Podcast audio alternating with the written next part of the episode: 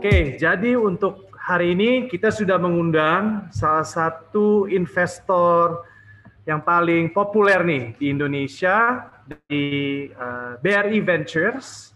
Uh, kita perkenalkan dulu di sini ada Bapak Niko Wijaya selaku CEO BRI Ventures, perusahaan modal Ventura di bawah naungan ya bank BUMN terbesar kita ya BRI. Selamat siang Pak Niko, apa kabarnya? Selamat siang Pak Aryo. Baik so far, uh, surviving through COVID-19. Aryo apa kabar Pak? Baik Pak. Surviving. Alhamdulillah baik Alhamdulillah, Pak Niko. Pak. Survive. Sepertinya BRI nggak surviving ya, kayak thriving nih secara venture capital ya. Kemarin kan lihat beberapa perusahaan besar-besar banyak dapat pendanaan nih justru dari BRI di saat pandemi apa kemarin ya? hmm. ya? Ada ada Payfest, ada Tanihub, ada apa ya Pak Niko ya untuk sekedar reminder. Bukan drive sih, tapi begini, ke pekerjaan kita kan uh, fund manager ya.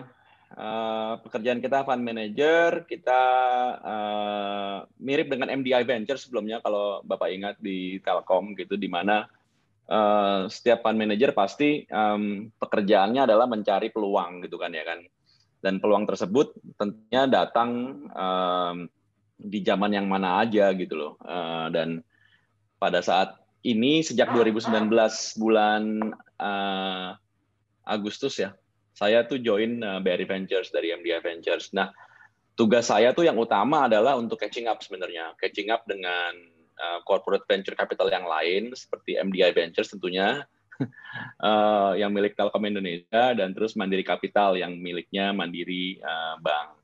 Nah, jadi memang BRI BRI sendiri baru mulai 2019. Uh, kita mulai uh, investasi lah di satu uh, startup namanya Link aja pada tahun 2019. Nah, tentunya dengan uh, kita lihat tren di dunia ya, semua hampir semua korporasi memiliki modal ventura. Tujuannya adalah jelas untuk mengkapitalisasi uh, growth gitu loh dari yang namanya disruption gitu kan ya kan. Jadi setiap korporat itu memiliki mandat tersendiri untuk uh, melakukan investasi. Kalau MDI Ventures pada waktu itu 2015 tentunya kita melihat beberapa disruptive technologies seperti uh, OTT yang tentunya kalau kita lihat sekarang uh, WhatsApp menjadi uh, the, the the primary means for people to communicate gitu kan ya kan. Jadi uh, bukan lagi secondary. Kalau dulu primary-nya kan SMS, voice. Sekarang bahkan voice pun sudah diambil oleh pemain OTT seperti uh, WhatsApp, Telegram, Facebook, dan yang lainnya. Jadi uh, tentunya dengan mandat demikian, uh, MDI Ventures berdiri tahun 2015 untuk melakukan kapitalisasi terhadap disrupsi itu, gitu loh. Jadi yang tadinya menjadi uh, itu adalah komunikasi, tentunya melihat juga dunia digital yang lain. Nah, MDI Ventures sama dengan BRI Ventures kurang lebih didesain gitu ya sebenarnya untuk menghadapi disrupsi. Hmm. Nah, 2019 BRI Ventures mendirikan eh BRI mendirikan BRI Ventures uh, dengan tujuan adalah untuk melakukan kolaborasi dengan para fintech yang tentunya fintech menjadi sebuah uh, sebuah apa tuh sebuah momentum yang cukup besar gitu terhadap perkembangan uh, uh, institusi finansial seperti banking atau uh, investment yang lainnya gitu loh. Kalau kita lihat sekarang kan fintech itu juga sudah tidak lagi hanya uh, e-wallet gitu, tapi juga uh, tentunya ada lending yang mirip dengan banking, tapi juga juga uh, apa uh, serta merta reach out kepada uh, produk finansial yang lain seperti asuransi, sisi koala atau beberapa produk finan, uh, uh, finansial asuransi yang lain seperti uh, misalnya uh, yang kami pernah investasikan di Singapura yang iya kan. Uh, jadi kita lihat ini ada masif uh, sebuah masif momentum di mana uh, para pemain uh, uh, digital startups melakukan disrupsi kepada um, apa dunia uh, finansial gitu dan itu untuk itu kita harus siap. Dan kalau kita lihat trennya di dunia, City Ventures pun sudah berdiri sejak tahun 90-an. Kita lihat lagi BBVA uh, yang yang tentunya menjadi uh, sudah menjadi juara ya bagi uh, transformasi perbankan di Eropa dan di Latin Amerika juga sudah membangun BBVA Ventures sejak tahun 2004. Dan kalau kita lihat lagi uh, DBS dan yang lainnya menjadi uh, berubah menjadi digital banking gitu kan ya kan. Nah, ini yang kita lihat bagaimana uh, transformasi sebenarnya sih yang hmm. dilakukan oleh korporat di Indonesia, entah itu telco atau itu perbankan atau entah itu yang lainnya harus melakukan ini gitu loh sekarang. Nah, dengan demikian tugas kami adalah tentunya mencari opportunity gitu. Dan opportunity yang baik tentunya uh, uh, datang uh, tidak tidak dengan uh, direncanakan gitu kan. Uh, kalau kita lihat kenapa untuk investasi itu baik sebenarnya sekarang tentunya kalau misalnya di di dalam uh, kondisi krisis atau di mana pun juga pasti ada opportunity untuk uh, berinvestasi gitu kan ya kan. Nah di dalam kita nih kita punya beberapa portfolio yang kita close di tahun 2020 bahkan. Selama pandemi malah ya. Bahkan selama ya. pandemi. Uh, selain dari portfolio fintech yang kita lakukan seperti Investri, Modalku, Tani Hub, terus uh, Payfast, terus uh, banyak yang lainnya. Hmm. Kita pun juga melakukan uh, fundraising untuk Sembrani Nusantara, gitu kan ya. Dan ini saat yang tepat sekali untuk uh, uh, any venture capital yang based dari Indonesia, gitu ya, untuk melakukan uh, apa? Uh, untuk memiliki dana ventura sendiri yang dimonitor oleh OJK, gitu loh. Nah, ketika kami di nah uh, dana Sembrani Nusantara itu uh, merupakan dana ventura salah satu dana ventura yang pioneer ya di Indonesia, gitu ya untuk melakukan investasi pada startup dan itu um, kita uh, baru baru closing gitu uh, mungkin minggu depan ada announcementnya dan uh, ini yang selamat Pak Niko selamat terima kasih dan uh, itu yang mungkin bisa me me me membawa banyak ini ya membawa banyak uh, apa uh, semangat gitu ya bagi ya. tentunya ekonomi yang sedang terpuruk gitu ya. uh, dunia ini kan sedang diam sekarang nih menurut saya dan dan ada memang saat saat yang sangat baik sekali gitu sebenarnya untuk hmm. launching sebuah inisiatif yang membawa positivity kepada semua gitu kan ya kan. Nah uh, jadi memang kita nggak stop investasi jelas gitu kan. Uh, bahkan kalau untuk untuk uh, penggiat investasi ini sekarang nih uh, mungkin bahwa yang hadir di sini mungkin ada beberapa yang pernah investasi saham atau pernah invest di mana. Investor ya memang harus invest di saat sekarang gitu kan ya kan. Betul. Uh, tentunya melihat dengan kondisi dan situasi yang uh, dapat dipertanggungjawabkan gitu loh dan itu yang um, menjadi um, uh, mo, uh, apa, motivasi kami gitu terus untuk sebagai fund manager nih untuk terus uh, beraktivitas gitu di saat-saat seperti ini. Dan kalau Bapak ingat sendiri, Pak Aryo kan teman baik kita juga nih gitu. Kita nggak pernah libur gitu kan ya kan. No. Kita WFA tapi kita tetap aja kadang uh, seminggu sekali di kantor tapi tentunya yang di kantor hanya dua orang gitu kan ya kan. Dan um, itu itu iya sih because I I, I always believe uh, there is always a silver lining in this kalau kita bisa hmm. melihatnya gitu dan ya. Yeah. Okay. Terima kasih Pak Niko atas introdu uh, introduction ya. Mungkin uh, sedikit tambahan buat audiens di sana. Tadi Pak Niko sempat mention tentang Sembrani Nusantara. Jadi ini adalah fund baru yang didirikan oleh Berry Ventures yang fokusnya untuk investasi perusahaan-perusahaan yang masih relatif baru ya, Pak Niko ya. ya. Jadi mungkin nanti teman-teman di sini yang mau mencari funding bisa langsung ke Berry Ventures. Nah, mau sedikit ini Pak Niko ya. Jadi hari ini topik yang akan kita bahas itu adalah uh, latar belakang tentang uh, investasi 12 ke depan nih seperti apa sih gitu kan. Uh, apa namanya iklimnya gitu. Mungkin nanti Pak Niko bisa menjelaskan lebih lanjut biar uh, audiens-audiens kita bisa mengerti kalau mereka mau start bisnis baru atau mau fokus bisnis baiknya ke mana nih nanti industrinya. Nah, sebelum kita mulai untuk para audiens selama sesi ini nanti jangan lupa untuk uh, tulis pertanyaan kalian di Q&A button di bagian bawah Zoom ini ada Q&A. Nanti silakan di diisi dan nanti tim kita akan bantu mengkurasi dan di akhir sesi akan kita coba jawab uh, 2 sampai 3 pertanyaan. Oke, okay, Pak Niko. Jadi untuk pertama ini ya pertanyaan umum dulu ya.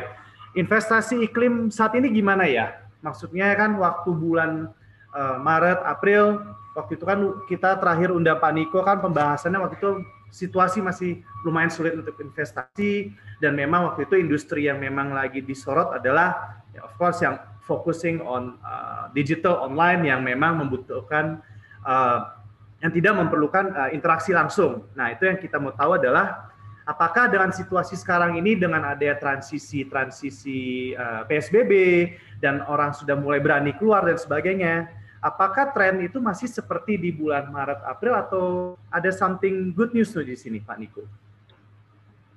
Oh, seperti ini. Jadi kita kalau kita bicara mengenai iklim uh, uh, permodalan di, uh, di modal Ventura di mhm. Indonesia, hmm. itu kan kalau kita lihat datanya sudah mulai ada sejak tahun 2009.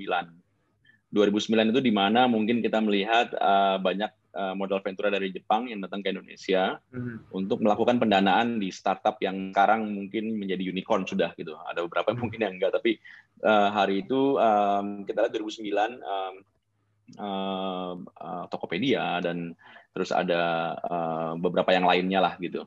Nah, kalau kita lihat sejak 2009 sampai 2020 hmm. itu total pendanaan yang masuk ke, da eh, ke dalam startup Indonesia itu uh, senilai 14 miliar US dollar. Uh, oh. Sejak ya, jadi total tersebut lumayan banyak. Jadi Indonesia memang menjadi uh, target lah bagi uh, uh, pemodal ventura yang ada di Asia Tenggara atau di Asia Pasifik saat itu. Orang Jepang yang pertama kali ke sini. Kalau Pak Arya juga ingatlah hari itu, uh, di hmm. mana orang Jepang tuh yang percaya gitu terhadap pertumbuhan di Indonesia sebelum bahkan ada pemodal Ventura dari Indonesia sendiri gitu kan ya kan. Nah, jumlahnya kalau dari 2009 sekitar 920-an. Nah, uh, kalau kita lihat dari 14 miliar tadi terus 920-an, mungkin rata-rata investasi yang masuk ke setiap perusahaan itu sekitar 40 juta dolar gitu kan ya kan. Uh, mungkin median tiket size-nya setiap perusahaan mungkin sekitar kalau ini matematika yang gampang mungkin sekitar 2,1 2,2 juta dolar sejak 2009. Nah, kalau kita lihat peak di investasi pendanaan venture eh, capital Indonesia itu ada di tahun 2018.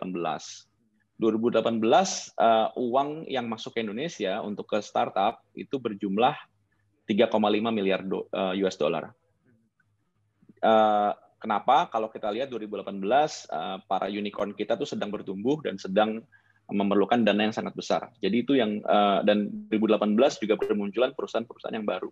Kalau uh, kita ingat ada Kopi Kenangan, ada terus siapa lagi yang lain gitu kan ya kan. Nah, 2018 itu adalah uh, yang paling tinggi uh, sepanjang sejarah uh, pendanaan uh, startup di Indonesia. 2019 mengalami penurunan uh, sekitar kalau nggak salah 2,8 miliar US dollar. Uh, dan itu uh, dan dan sekarang ini 2020 kuartal ketiga uh, menurut data yang ada ya uh, itu dicatat memang sekitar satu setengah miliar dolar. Jadi memang jumlahnya sangat jauh nih dari yang peaknya kita nih di tahun 2018 gitu. Dan bahkan dari tahun 2017 yang sekitar kalau nggak salah 2,2 eh, miliar ya, US dollar. Jadi uh, memang 2020 ini memang kelihatan sekali uh, pendanaan yang masuk ke Indonesia itu uh, mengalami penurunan hmm. gitu ya. Dan bahkan yang masuk yang di antara satu setengah miliar dolar tersebut pendanaannya masuk ke uh, mostly unicorns. Um, dan memang uh, tujuannya adalah untuk uh, untuk untuk apa ya? Untuk memang unicorn kita bertahan. Unicorn kita harus bertahan kalau tidak, karena akan terjadi massive uh, black hole yang terjadi di uh, ekosistem startup di Indonesia. Jadi kalau kita lihat memang uh, 2020 ini penurunannya cukup signifikan, gitu ya. Uh, dan uh, itu terjadi bukan karena uang yang nggak ada, gitu. Uh, uang ada, uh, jelas di modal ventura di Jepang, modal ventura Singapura dan Amerika Serikat. Memang uangnya ada, gitu. Tetapi memang ada uh, uncertainties di dalam uh, makroekonominya gitu. Hmm, hmm. Jadi yang terjadi adalah bukan hanya investor yang uh, tidak yakin terhadap uh, perkembangan ekosistem yang sedang bertumbuh sekarang ini di Asia Tenggara, hmm. tetapi beberapa startup pun juga tidak mau uh, fundraising hmm. sekarang. Tidak mau apalagi ya? kalau iya, apalagi kalau misalnya uh, uh, apa jelas-jelas uh, startup tersebut uh, apa uh, investasi tersebut akan uh, didiskon gitu kan ya kan? Startup kan harus naik terus valuasinya bukan turun atau bukan bukan uh, anu bukan uh, uh, uh, stabil gitu kan ya kan? Nah jadi memang tidak banyak dari startup kita yang fundraising di tahun ini gitu. Jadi jumlahnya menurun bukan karena uang yang hati-hati gitu, tapi juga memang startup yang bagus tidak mau tidak tidak mau fundraising di saat yang seperti ini Hmm. Karena melihat kondisi seperti uh, ketidakyakinan uh, dunia terhadap kapan ketemu vaksin dan ketidakyakinan dunia apakah ekonomi Asia Tenggara ini akan recover gitu ya. Jadi um, memang uh, tahun ini memang kalau kita lihat memang uh, uh, sangat significantly menurun. Bayangin dari tiga setengah miliar aja tahun ini rasanya pak ini udah kita udah ke akhir tahun ya rasanya uh, hanya di angka 2 miliar uh, US dollar gitu loh.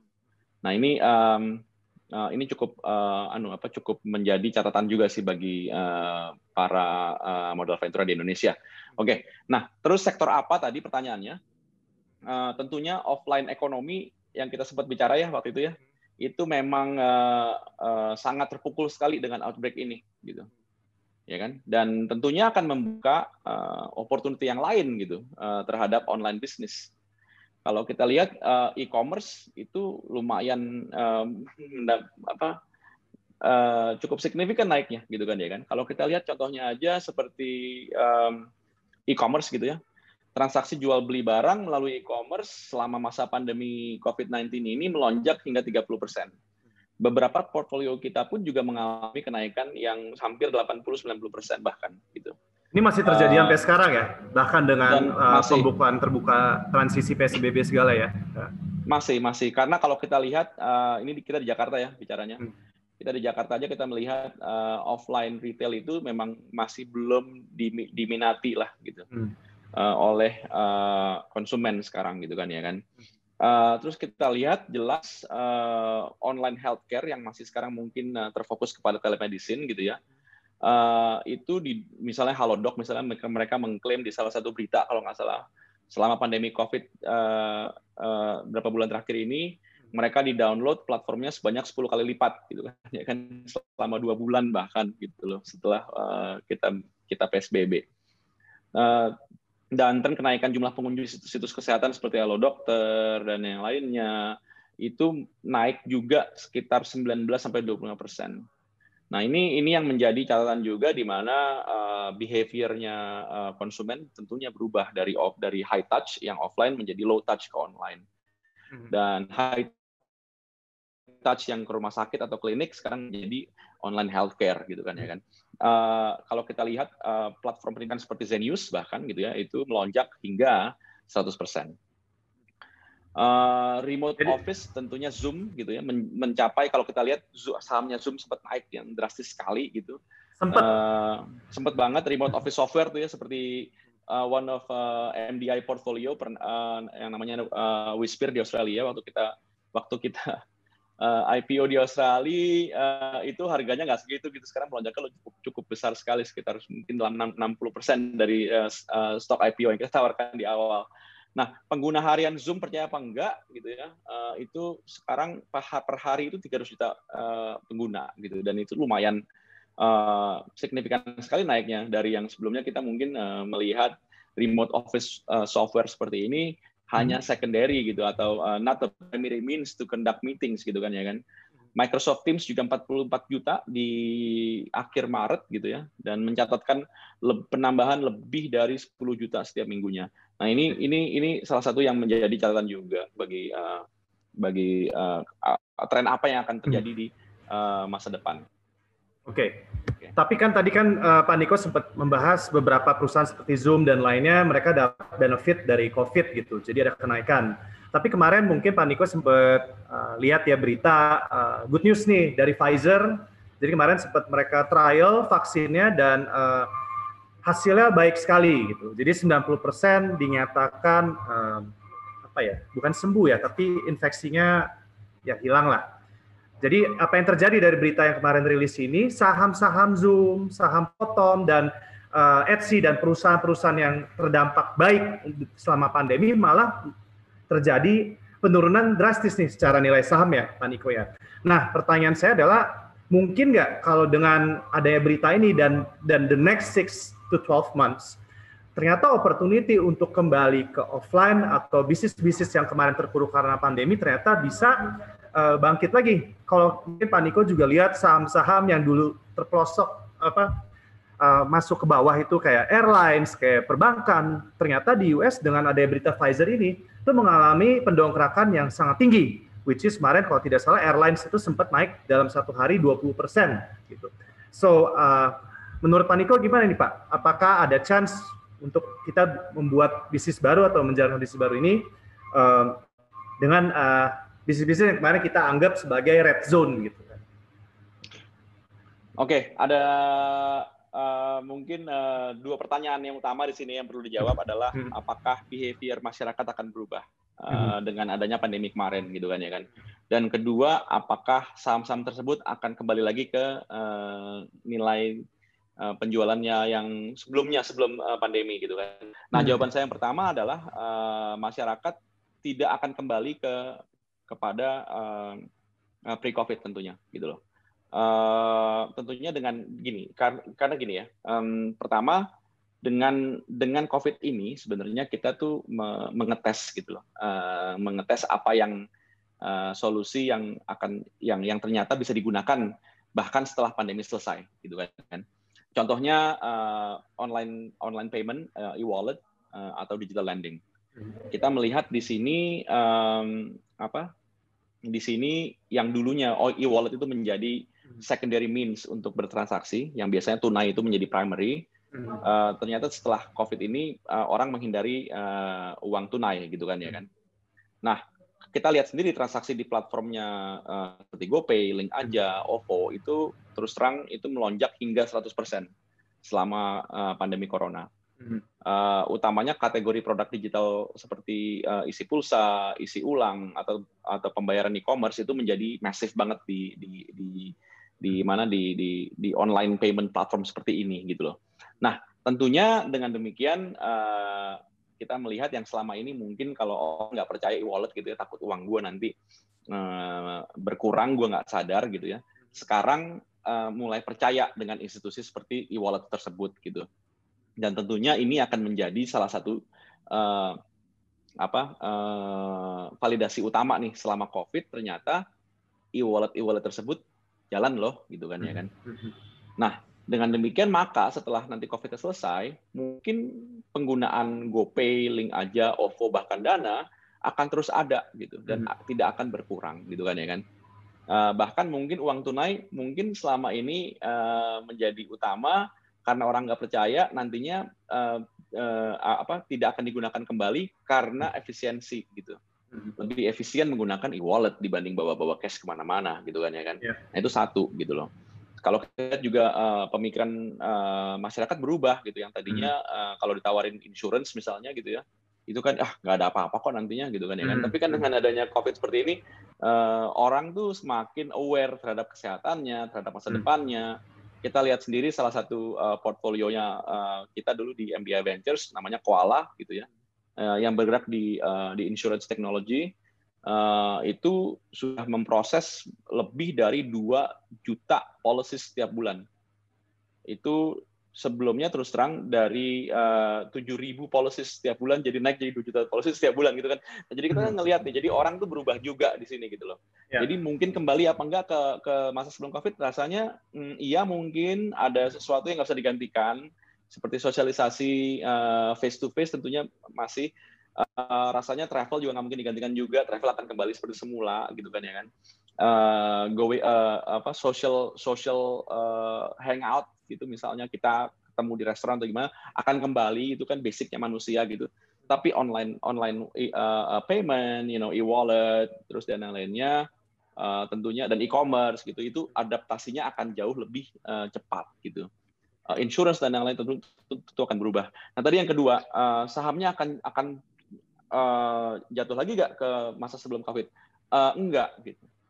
Again, ini kembali lagi ke tadi uh, uh, statement saya yang pertama gitu ya. Kalau hmm. ternyata ini tervalidasi dengan adanya masa setahun ini kita dicoba gitu ya uh, untuk menggunakan solusi-solusi uh, yang sudah ada yang selama ini belum digunakan.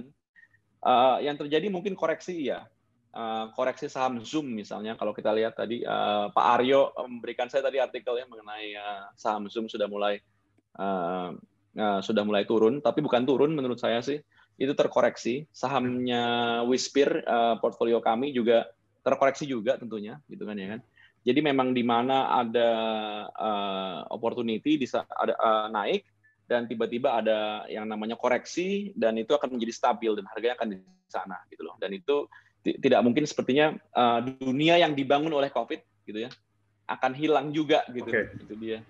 Okay. Jadi opportunity terbangun dari COVID ini it will stay ya, even nanti dengan vaksin dan sebagainya gitu ya Pak Niko. Iya, karena dampaknya pun juga ini mungkin poin yang ketiga, dampaknya pun juga tidak hanya kesehatan kan, dampaknya pun juga uh, ada di eh, perekonomian gitu.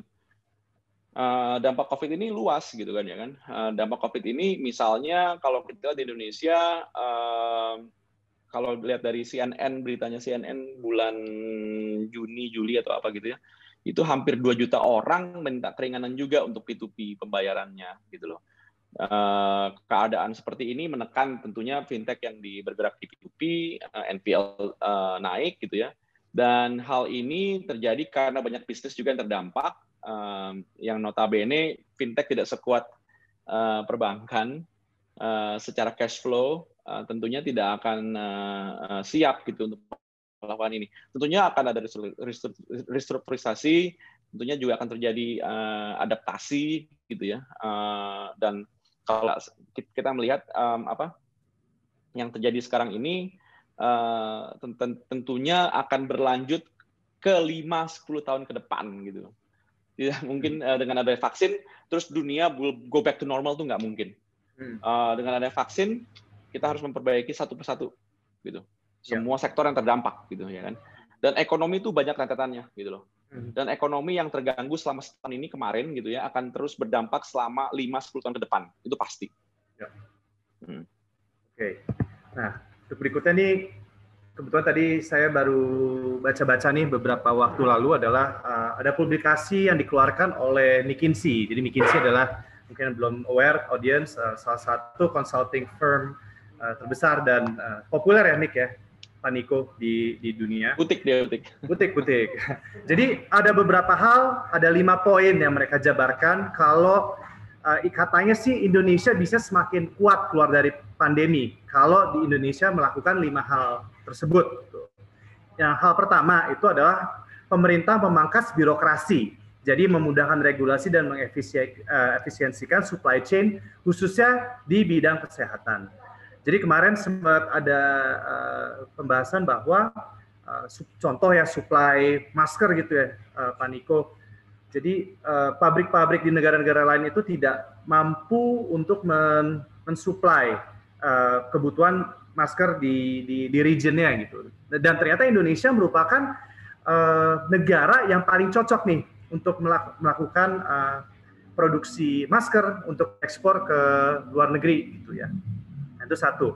Yang kedua, uh, organisasi ini mempercepat digitalisasi semua proses internal, mulai dari supply chain dan juga customer management.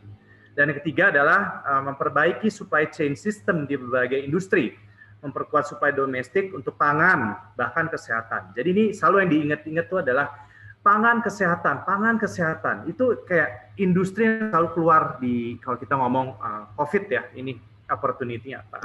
Dan yang keempat itu adalah menyadari adanya kebiasaan bekerja yang baru, yang artinya orang makin sering di rumah. Nah ini kan kalau kita lihat di sini kayaknya uh, kita juga lihat banyak bisnis yang udah ngarah ke situ ya Pak Niko ya. Uh, jualan gimana orang bisa beli di rumah dan bisa support orang yang bekerja di rumah misalnya. Dan yang terakhir tadi Pak Niko juga sempat mention adalah uh, masyarakat semakin sadar akan kesehatan, kebersihan dan jarak aman. Artinya kayak contoh kapasitas restoran dan berbagainya kan uh, berubah nih selamanya yang tadi ya mungkin kita dine in jadinya uh, udah nggak visible kali ya Pak Niko untuk bikin bisnis restoran makanya akhirnya sekarang kita juga lihat uh, banyak cloud kitchen apa uh, F&B F&B yang yang fokus delivery gitu kan. Kalau menurut Pak Niko, lima hal-hal ini yang disebut oleh uh, McKinsey itu cukup valid nggak ya Pak Niko? Dan dan mungkinkah kita di Indonesia uh, entrepreneur-entrepreneur di sini bahkan BRI bisa uh, banyak melihat di lima hal tersebut gitu untuk keluar dari COVID Indonesia jadi lebih baik. Uh, ini filosofis banget sih. Uh, filosofis. uh, mungkin judulnya The World That Is Built by COVID gitu kan ya hmm. ya kan. Uh, our world dunia kita yang kita tinggalin sekarang itu uh, uh, selalu uh, setiap 10 tahun selalu mengkoreksi gitu. Contohnya pasar saham lah, terakhir crash itu 2008. Sebelumnya kita lihat uh, 98 99 gitu kan. Sebelumnya lagi kita always in, in 10 years selalu akan ada uh, kurang lebih ya 10 tahun dulu, 11 atau you know. every decade itu akan terjadi uh, pengkoreksian gitu. Um, kita melihat kali ini koreksi ini sangat dalam. Koreksi ini karena kalau kita gini, 98, 99 uh, itu Asia krisis, sedangkan di negara Eropa dan Amerika Serikat mungkin terasa cuma sedikit, uh, cuma tidak apa, tidak terlalu impact buat ekonomi mereka gitu loh. Uh, kita lihat 2008 uh, the global financial crisis sebenarnya tidak juga uh, sampai ke pantainya um, Asia Tenggara hmm. because karena kita tuh uh, negara yang uh, apa region bagian dari bagian dari region yang sedang bertumbuh. The growth story is in Indonesia Malaysia uh, Filipina dan yang lainnya. Uh, jadi kalau kita lihat nih 2020 sekarang 10 10 tahun kemudian yang lebih lah ya uh, ini seluruh dunia tidur gitu kan ya kan? Seluruh dunia diam. Dan ini impactnya akan terasa sekali uh, bagi uh, uh, semua masyarakat di seluruh dunia bahkan gitu kan ya kan? Kalau ini dirasakan sama-sama. Ekonominya pun juga contracted semuanya mulai dari Amerika Eropa Asia Australia Afrika semuanya makin kecil gitu ekonominya yang tadinya segini uh, membalon gitu sekarang menjadi semakin contracted. Terus kita melihat juga uh, gaya hidup kita berubah dengan uh, ekonomi contracted. Kalau kita lihat di masa-masa perang seperti dulu juga atau masa-masa krisis gitu ya semua pengeluaran menjadi lebih kecil semua ekses menjadi lebih kecil gitu kan ya kan dan itu uh, pada akhirnya me memprompt sebuah efisiensi kalau kita lihat dulu uh, di misalnya di di di, di uh, Asia crisis of, of 90s gitu ya, 90-an kemarin 98 99 terjadi banyak uh, diregulasi, uh, terjadi banyak perubahan uh, regulasi juga gitu ya.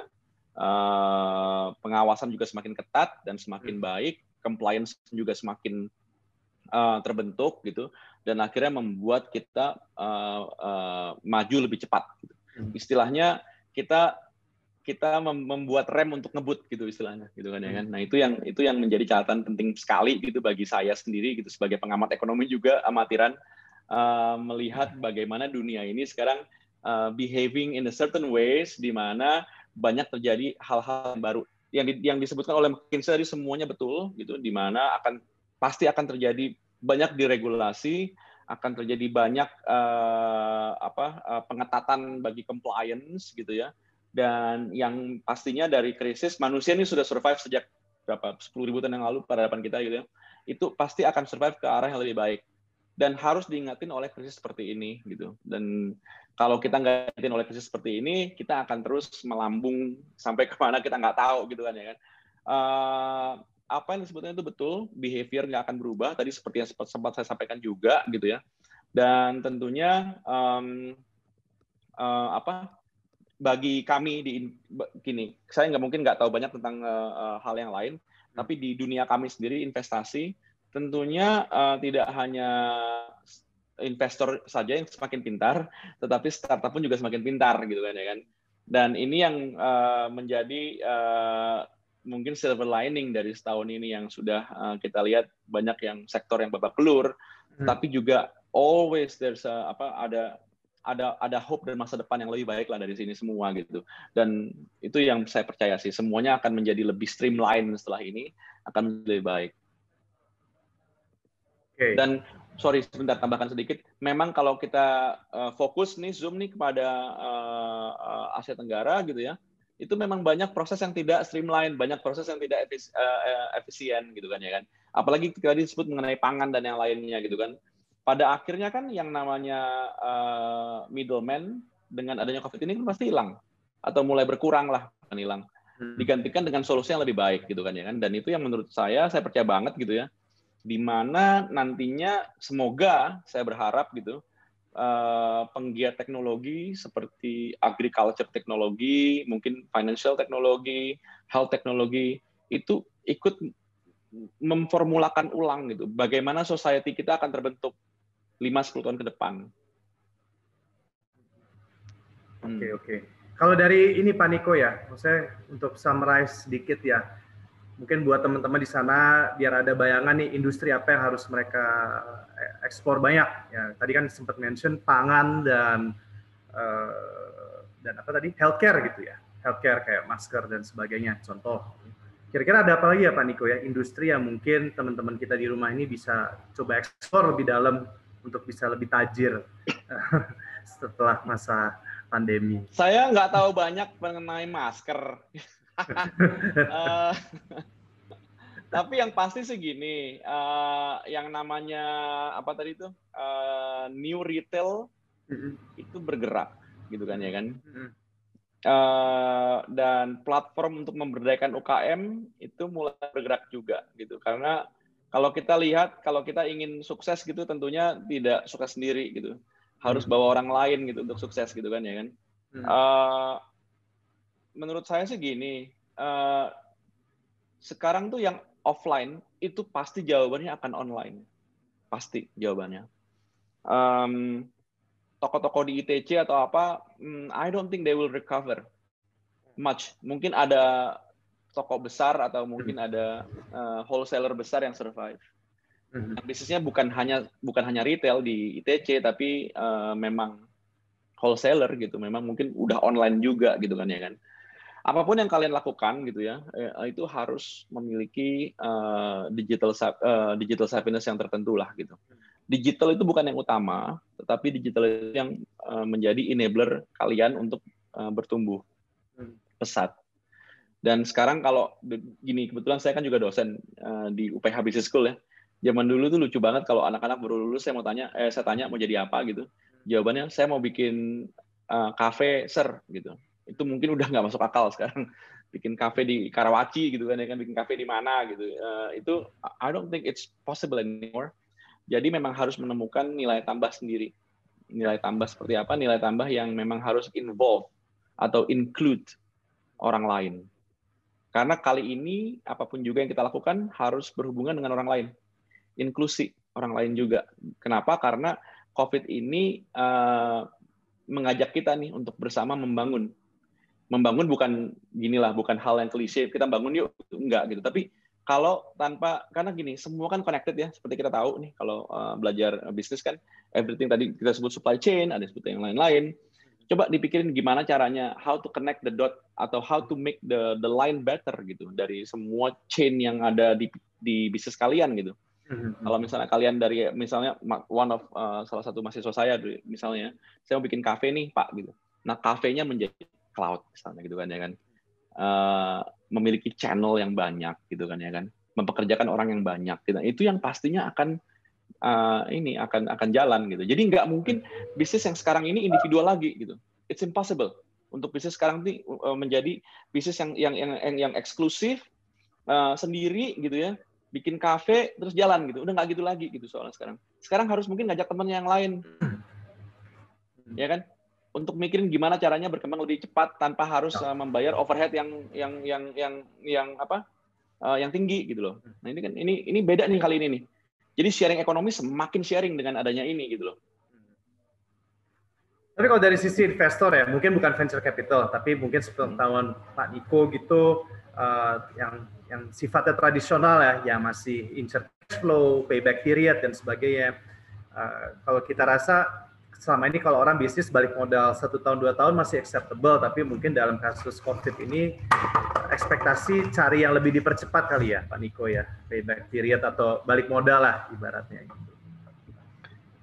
Uh, iya tentunya tentunya semua di adjust dengan uh, hmm. keadaan seperti ini yang tadinya mungkin uh, uh, payback periodnya tadinya setahun dua tahun akan menjadi tiga empat lima tahun. Itu pastilah gitu, ya kan dan uh, pemerintah pemerintah kita juga mengerti itu gitu kan ya kan. Dan itu menjadi sebuah uh, mandat gitu ya dari pemerintahan gitu kepada uh, institusi uh, finansial gitu untuk menyesuaikan gitu kan ya kan. Uh, tentunya seperti itu akan sama gitu. Kalau kita lihat juga seperti ini uh, fintech deh kita bicara fintech ya. Mungkin domain yang saya uh, apa uh, lebih paham. Banyak fintech ilegal ditutup loh sejak covid ya kan pokoknya uh, gini, akhirnya kita cuma kalau nggak salah 155 sekarang cuma, gitu kan, yang yang yang di yang di apa, yang di uh, uh, memiliki license gitu uh, untuk untuk beroperasi gitu kan. Dan kalau kita lihat uh, pada akhirnya dunia menyesuaikan dengan kondisi setahun terakhir. Mau itu startup, mau itu pemerintah, mau itu korporasi gitu kan ya kan. Semua pada akhirnya menyesuaikan dengan kondisi. Dan kalau untuk ide bisnis seperti apa, tentunya ide bisnis yang akan disesuaikan dengan kondisi sekarang. Jadi kalau mungkin saya pernah lihat satu dua beberapa proposal gitu yang yang tidak bicarakan tidak membicarakan mengenai dampak panjangnya COVID. Gitu.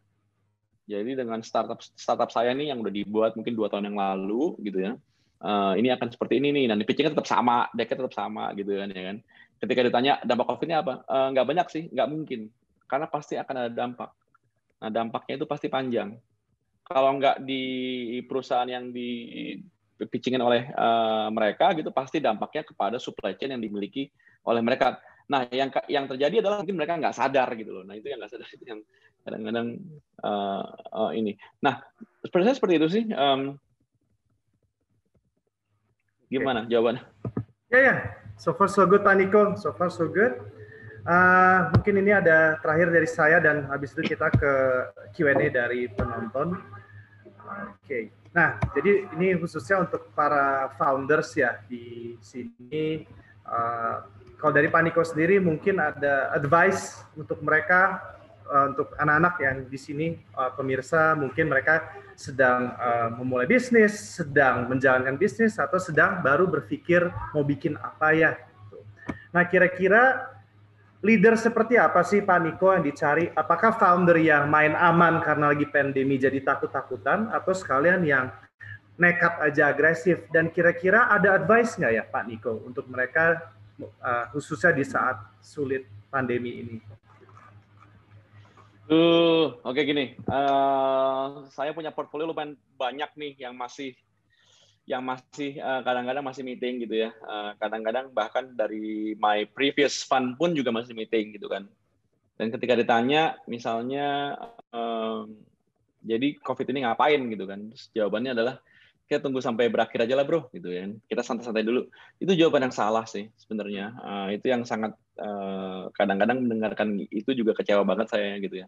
Gak percaya dulu kenapa gue invest di dia ya gitu ya. Ternyata gini, ada founder yang uh, yang yang yang memang lagi diam gitu karena tunggu COVID ini terjadi. But if you're a startup gitu ya, berarti kan kalian kan tanpa COVID pun juga memang harus bergerak gitu. Tanpa COVID pun kalian juga sudah susah gitu kan ya kan?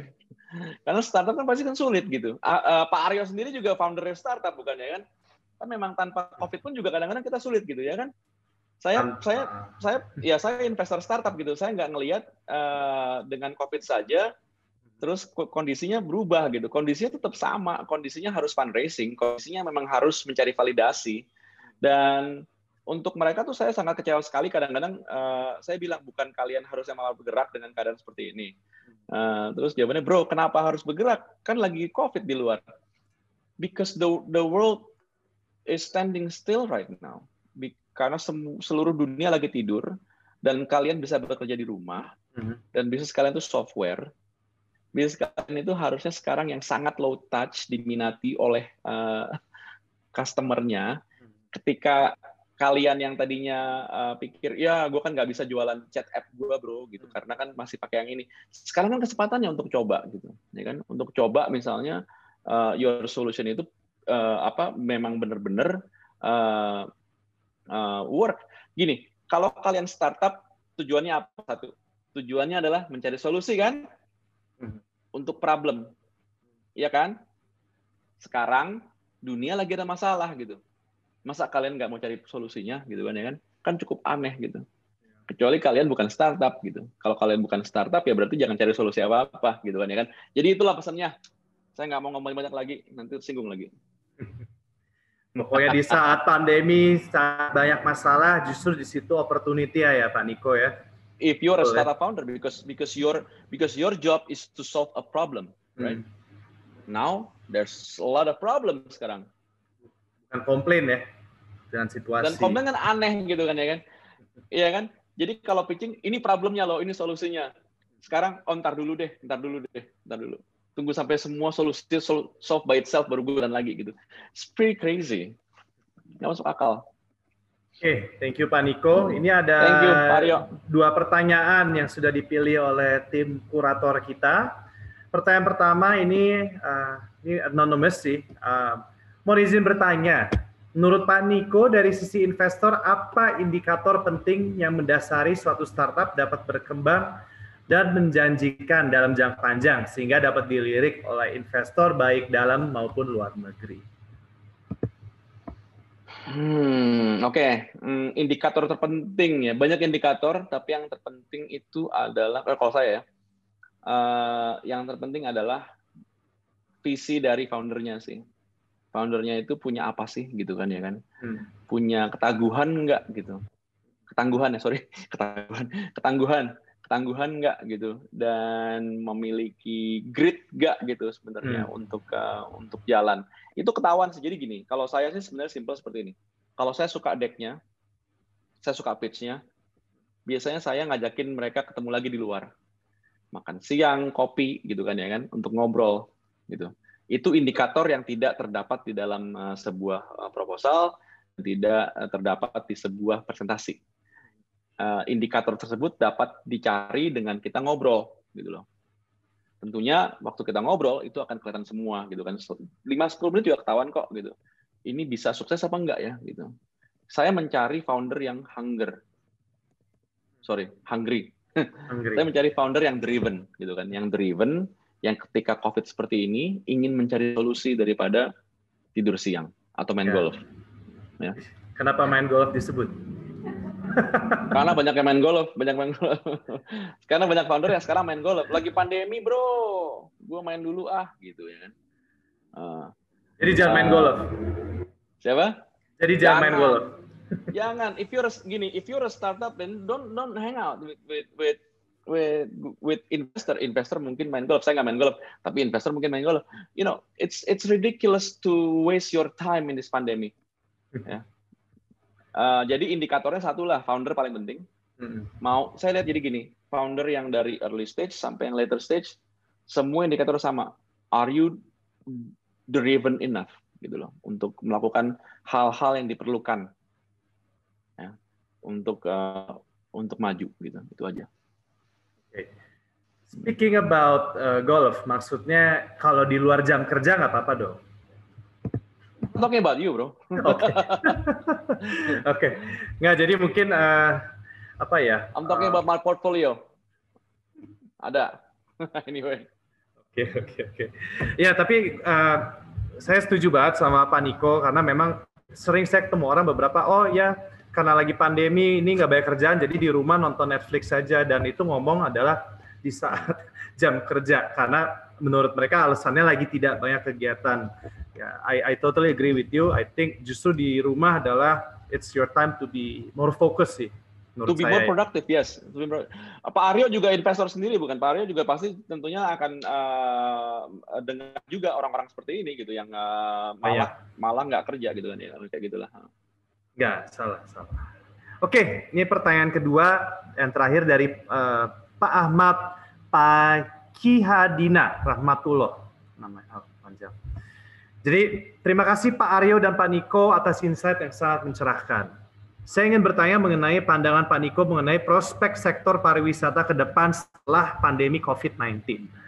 Jika prospek sektor pariwisata uh, masih menjanjikan, bisnis proses apa yang harus diperbaiki agar dapat beradaptasi dan kemajuan di bidang teknologi dan digital yang belum pernah terjadi sebelumnya. Terima kasih Pak Niko dan Pak Aryo. Wah, ini yang nanya ini oh. jangan lupa oh. nanti dengerin sesinya Pak Wisnu Tama hmm. juga nih. Mungkin nanti dia juga akan hmm. banyak bahas di di sisi sektor pariwisata. Wow.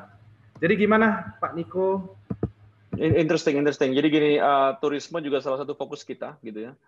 Sebelumnya bahkan waktu awal tahun kita sempat melihat ke sektor turisme karena sangat uh, besar sekali opportunity-nya dan sangat disayangkan sekarang uh, um, anu apa um, sedang tidak bergerak, bukan tidak bergerak, sedang slowing down lah a bit uh, atau slowing down much. Tapi sebenarnya begini, uh, sektor pariwisata pasti akan bangkit, definitely itu ya uh, jika karena kita kita tuh bukan Singapura.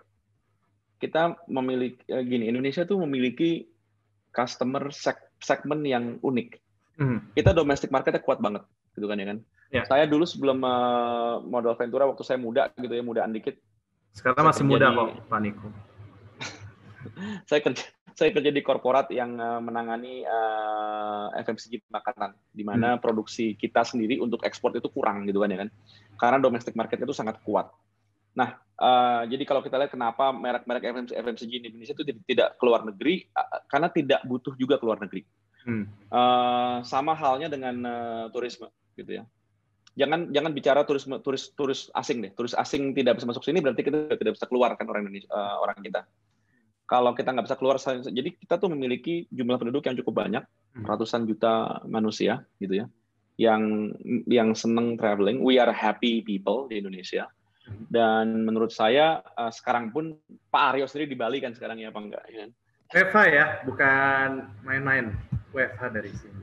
Ya kan jadi kalau kita lihat memang prospeknya pariwisata setelah pandemi akan bangkit kalau kita lihat juga uh, uh, traveloka tiket kalau nggak salah saya baca di mana sudah mulai juga naik kan ya kan dengan domestik our domestic ini apa travels dan yang lainnya. Uh, definitely saya percaya percaya sekali gitu ya untuk um, sektor pariwisata untuk bangkit kembali. Uh, dan tadi pertanyaan kedua apa? Sorry, sektor apa ya yang harus diperbaiki ya kalau nggak salah? Uh, bisnis proses apa yang harus diperbaiki agar dapat beradaptasi dengan majuan bidang teknologi, dan digital yang belum pernah terjadi sebelumnya. Oke oke oke oke. Nah gini sebenarnya hmm. sektor turisme sendiri juga sudah uh, mature gitu kan ya kan. Sudah ada tiket, Traveloka, ada si uh, Eri, ada si Oyo, ada si yang lain gitu kan. Jadi secara proses sebenarnya tuh saya lihat memang sudah uh, cukup baik, cukup streamline. Tapi mungkin yang kurang tuh di sini adalah anu uh, something ini saya sendiri ya saya pribadi ya. Uh, something like TripAdvisor misalnya, uh, atau something seperti Yelp uh, dan yang lain.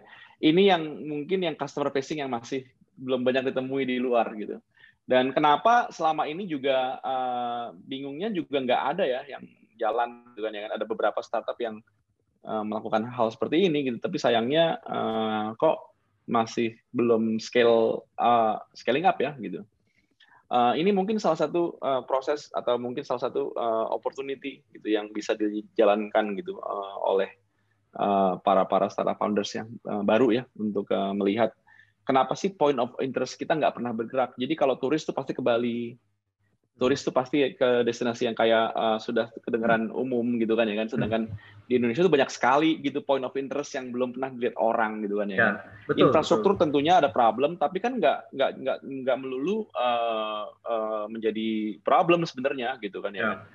Uh, nah ini yang ini yang menurut saya sih bisa dilakukan uh, banyak selama prosesnya benar saya nggak tahu gimana cara prosesnya benar uh, again, I'm not uh, uh, founders. Uh, sayangnya, saya nggak bisa memberikan nasihat di sana. Tapi mungkin nanti sesi berikutnya dengan Pak Wisutama hmm, dapat lebih jelas ya sebenarnya ya apa yang bisa di masih ada peluang apa sih di di, di sektor pariwisata gitu. Tapi kalau saya sendiri melihat uh, pasti akan bangkit itu pasti. Kita akan fokus lagi uh, kepada sektor pariwisata tahun depan.